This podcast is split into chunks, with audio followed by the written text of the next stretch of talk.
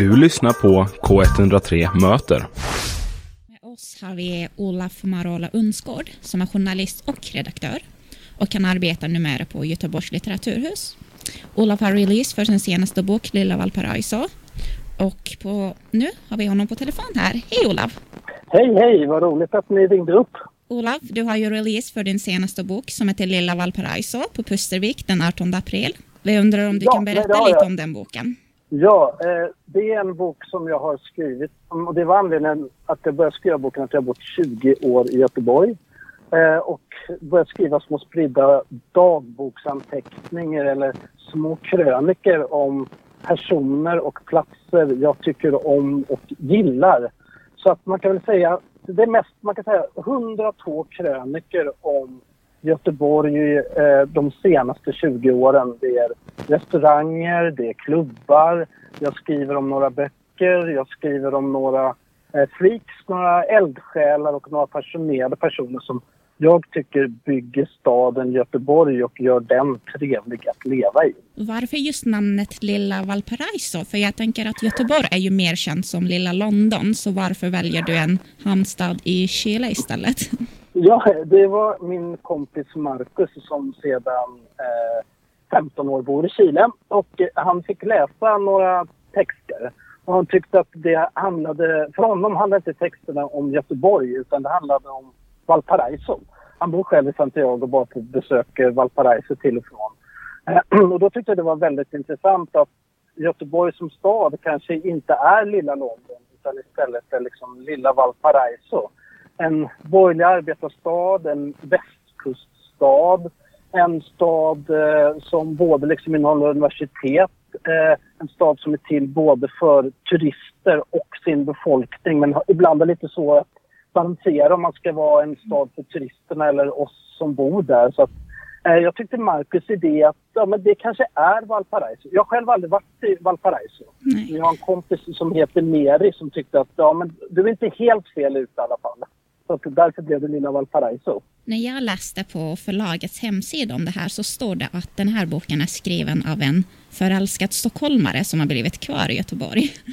Em, är det dina egna ord?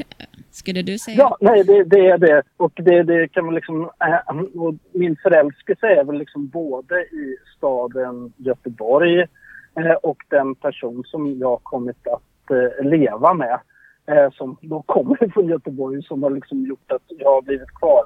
Sen har det liksom blivit eh, två barn och en familj och jag försökt, jag försökte de första tio åren flytta tillbaks till Stockholm eh, och jobba och försöka övertyga eh, Miriam som jag lever med att flytta tillbaks till Stockholm. Men det har fortfarande inte gått och jag är nog väldigt nöjd med det. Och jag är en väldigt glad exilstockholmare i Göteborg. Um, jag tänker att vi har ju en annan Göteborgsförfattare, Lydia Sandgren. När hon skrev sin bok Samlade verk så sa hon att hon var influerad av Hjalmar Söderberg och hans skildringar, skildringar av Stockholm och ville göra samma sak för Göteborg. Jag undrar om du känner samma sak lite med den här boken, att du också ville göra lite så här litterärt monument över Göteborg som den ser ut idag. Mm. Mm, åh, vilken bra fråga. Nej, men det jag vill göra är liksom lyfta fram kanske liksom de andra rösterna. Göteborg har ju några av sina främsta personer på spårvagnarna. De heter, eh, ja, efter spårvagnarna spårvagnen så döps det till skådespelare. Men jag tycker att det finns andra personer som gör kanske mer för Göteborg eller kanske minst lika mycket. Eh, en person som en stor förebild för mig är eh, Arne Nilsson eh, som har skrivit en bok som heter En annan stad om Göteborgs eh, homo och eh, bisexuella och homosexuella historia. Eh, och helt plötsligt bygger upp en annan stad. En annan Mm. stad med andra platser, andra rum, andra berättelser. Sen skulle jag nog också säga att mitt Göteborg är liksom också mycket mer eh, mångkulturellt. Det kommer från flera alltså personer som kommer från hela världen formar mitt Göteborg. Mm. Men det syns kanske inte riktigt på spårvagnarna. Så att jag vill nog liksom bredda bilden om vilka som är Göteborgs hjältar. Mm. Som jag har förstått det så handlar ju den här boken väldigt mycket om människorna som bygger Göteborg och att deras erfarenheter och upplevelser under tiden som de har bott här. Kommer vi att se dina erfarenheter och upplevelser också i boken eller bygger det enbart på andra människors? Um...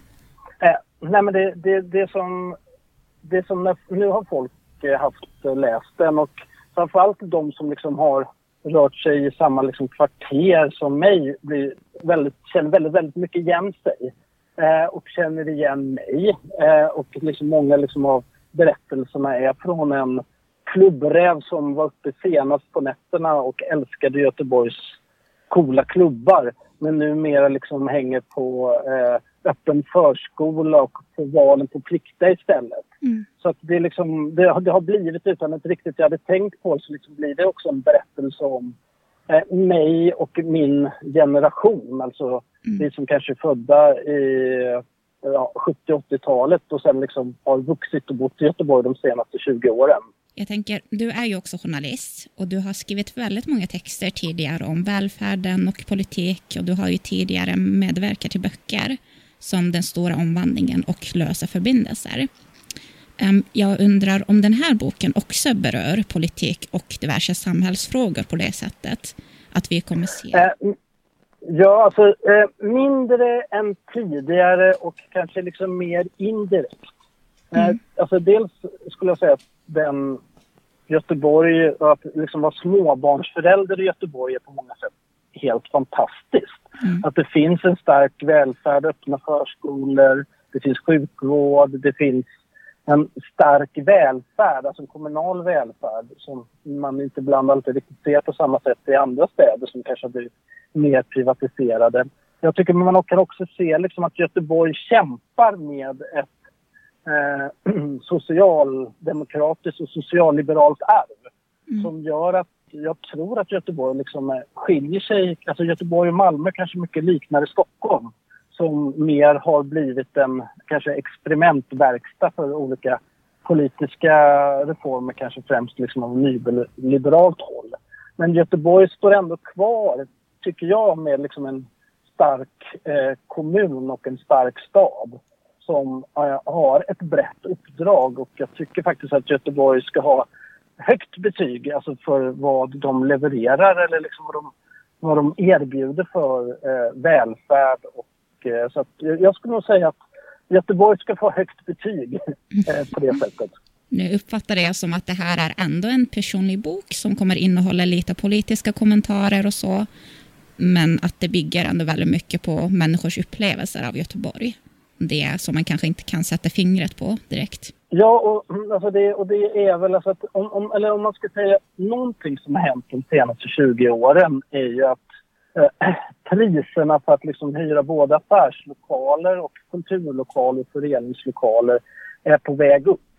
Så att eh, jag kom till en stad med otroligt mycket udda både butiker, spännande, liksom konstiga, märkliga kulturföreningar. Eh, och relativt många av dem finns inte kvar. Mm. Eh, så där händer det någonting, eh, har hänt någonting de senaste 20 åren. Att det mest udda, eh, så liksom en minst marknad eller minst publik, har svårare och svårare att överleva i en stad som Göteborg. Mm. Och det liksom blir mindre och mindre små egenägda fik och mer och mer kedjor.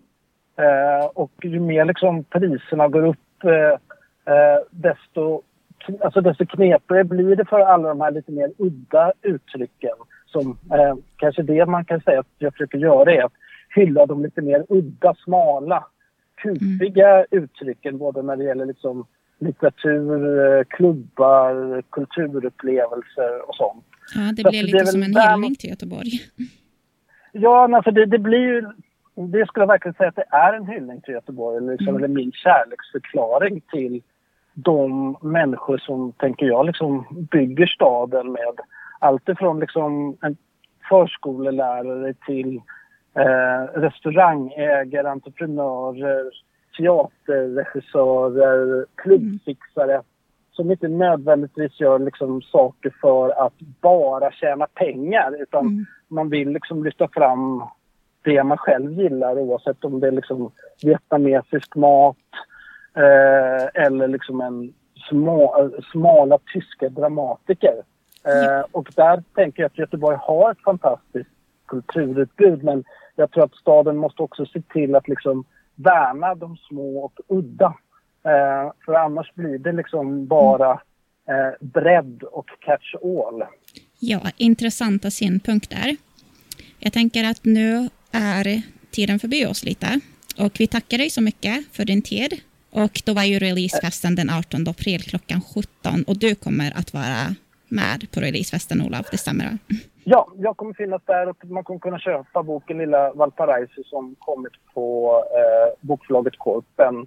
Eh, och Pustervik är ett av de ställena jag verkligen ville vara på för att det har så mycket både liksom själ och hjärta som det nästan inte går att få tag på på så många ställen. Så att, Pustervik var det självklara valet för denna releasefest. Vi tackar för oss och vi önskar dig lycka till på din releasekväll. Tack så jättemycket och eh, roligt att ni ringde upp. Ha en bra dag! Tack detsamma!